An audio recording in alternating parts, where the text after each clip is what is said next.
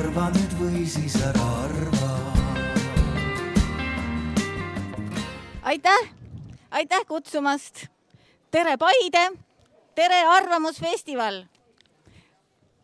on rõõm näha, et nagu ikka on äh, kogunenud Arvamusfestivalile suur hulk inimesi, kes on äh, valmis oma mõtteerksust teravdama, oma kaasamõtlemist ja isemõtlemist arendama. Suur tänu teile, et te olete olemas. nii, mina olen Piret Räni ja ma esindan siin erakonda Eestimaa Rohelised. ja see kinnas, mis mulle praegu on heidetud, on, et äh, milline on Eestimaa Roheliste tulevikuvisioon mõtleme selle peale nüüd natukene süvitsi. Tulevik, no ütleme, et äh, siin enamasti tehakse plaane aastaks kaks tuhat viiskümmend, eks ole äh,. näiteks on äh, plaan aastaks kaks tuhat viiskümmend saada kliimaneutraalseks või isegi äh, äkki kliimapositiivseks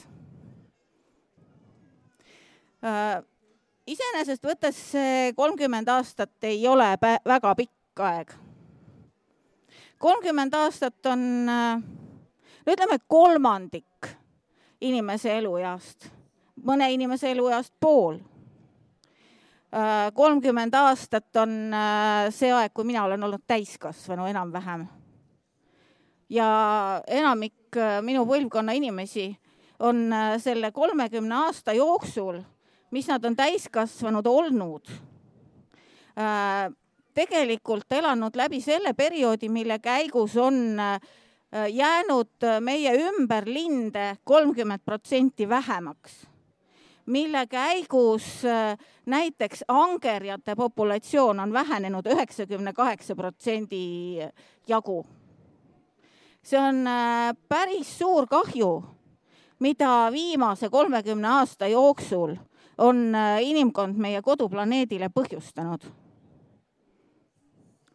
et äh, kui me nüüd mõtleme, et järgmised kolmkümmend aastat ja kui tõenäosus, et äh, me tegelikult laastame samas tempos edasi, on kohutavalt suur. ja samas äh, meie arengukavad ja see, mida me oleme nagu plaaninud teha, ütlevad, et me lõpetame selle laastamise järgmise kolmekümne aastaga ära kas see tundub teile võimalik? Kui nüüd selle peale järgi mõelda, siis ma pean ausalt ära ütlema, et äh, kui ma sain teada sellest võimalusest siin äh, sellest kõigest rääkida, siis ma algselt kujutasin ette, et ma lihtsalt tulen siia. ja ma lihtsalt nuutan need kümme minutit, sest äh, tegelikult ma ei kujuta ette, et see kõik oleks võimalik. et lihtsalt tulen ja no ma lihtsalt ei ja lihtsalt ulun siin need kümme minutit. aga kui ma nüüd hakkasin natukene põhjalikumalt edasi mõtlema, siis äh, noh, tegelikult see oleks võimaluse kaotamine. et äh, me ju äh, võime niimoodi puhtalt loogika järgi ja pessimismile kaldudes arvata, et see noh, nagu kliimapositiivsuse saavutamine ja elurikkuse päästmine ei olegi enam võimalik, aga see on ju ette and-, allaandmine. sellisel juhul see tõesti ei ole võimalik, kui me nagu ette ära otsustame, et see ei ole võimalik. ja järelikult ma siiski räägin, missugune võiks olla see kliimaneutraalne Eesti, kuhu me pürgime ja järelikult me siiski võiksime kõik koos otsustada, et see on võimalik ja see otsustamine algab sellest, et äh, me peame praegu endile ausalt tunnistama, et äh, inimliik on muutunud äh, parasiidiks, kes lihtsalt laastab oma ümbrust. ja et inimliik on selline parasiit paraku, kes rikub ära eluvõimalused teiste eluvormide jaoks enda ümber kes on suutnud ära rikkuda isegi ookeanid, rääkimata sellest, et äh, looduslikud metsaelupaigad on kadumas vanade metsade liigid on äh, lõppemas ära, sest neil ei ole enam kuskil elada. kuna põhiline põhjus on selles, et inimkond lihtsalt on võtnud kogu maa endale. inimkond lihtsalt äh, on otsustanud, et ta omab kogu maad ja inimkond lihtsalt on otsustanud, et äh, see kõik peab talle tagama pideva majanduskasvu. aga maapiirid on ju lõplikud. ja elurikkuse ja elukeskkonna talumisvõime on lõplik. ja selleks, et meil tegelikult oleks võimalik rääkida kliimapositiivsest äh, elust aastal kaks tuhat viiskümmend, me peame väga palju muutuma. ning jah, see algab teadvustamisest, haridusest, kultuurist, sellest, et me tegelikult ka mõtleme selle läbi, mille jaoks meil seda rohepöörde juttu räägitakse.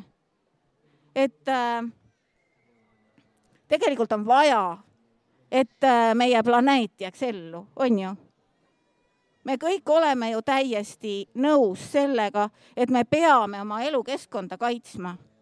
aga miks me siis seda ei tee? me ei tee seda sellepärast, et meie ühiskonna normid ei ole hetkel äh, kujunenud ehk kujundatud selliseks, et me tegelikult peaksime ühiskonda arvestama. meil äh, on hästi palju äh, selliseid seadusi mida kõiki täpselt täites meil oleks tegelikult võimalik keskkonda hoida. aga kuna meil on võimalik seal teatud termineid natukene hägusamalt tõlgendada, siis me leiame võimalused, et äh, neid seadusi mitte täita. meil on võimalik äh, teostada keskkonnakahjude hindamisi ja nentida, et me ei tee keskkonnakahjulikke otsuseid. Aga paraku siiani on see niimoodi, et kuna majanduskasv nõuab, siis äh, neid kahjulikke otsuseid kogu aeg tehakse ja majandus, äh, majanduse eesmärgil jäetakse keskkonnakahjud hindamata või tehakse seda lihtsalt äh, niimoodi linnukese pärast. aga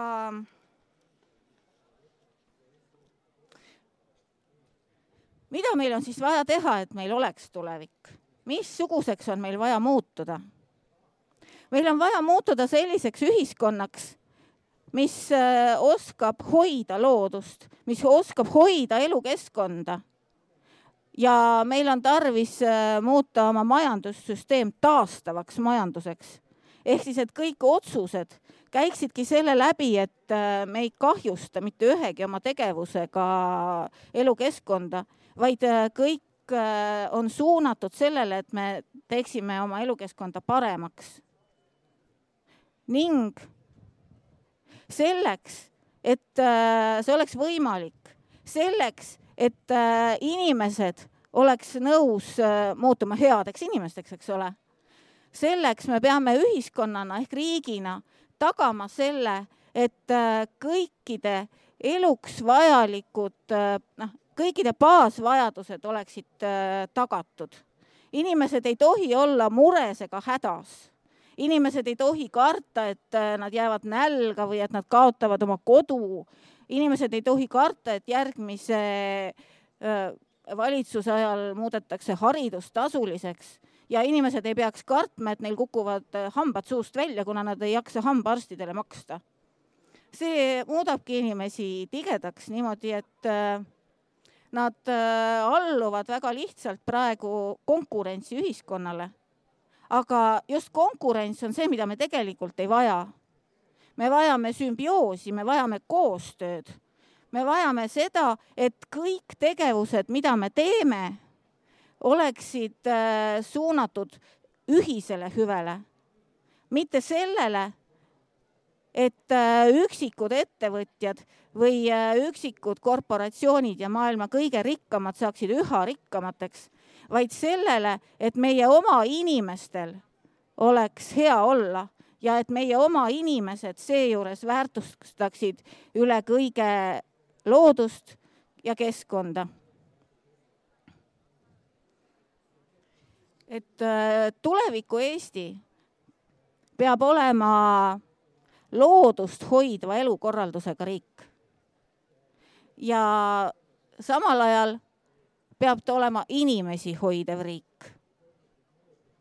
tuleviku Eesti peaks olema teadusriik, sest äh, me ei äh, saa kuidagimoodi olla kliimapositiivsed, kui me oleme allhangete ja odavate ressursside väljaveoriik. see ei ole lihtsalt võimalik.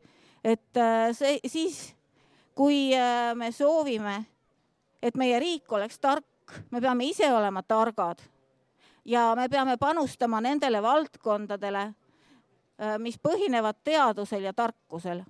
me peame usaldama oma inimeste ajupotentsiaali, oma inimeste vaimu.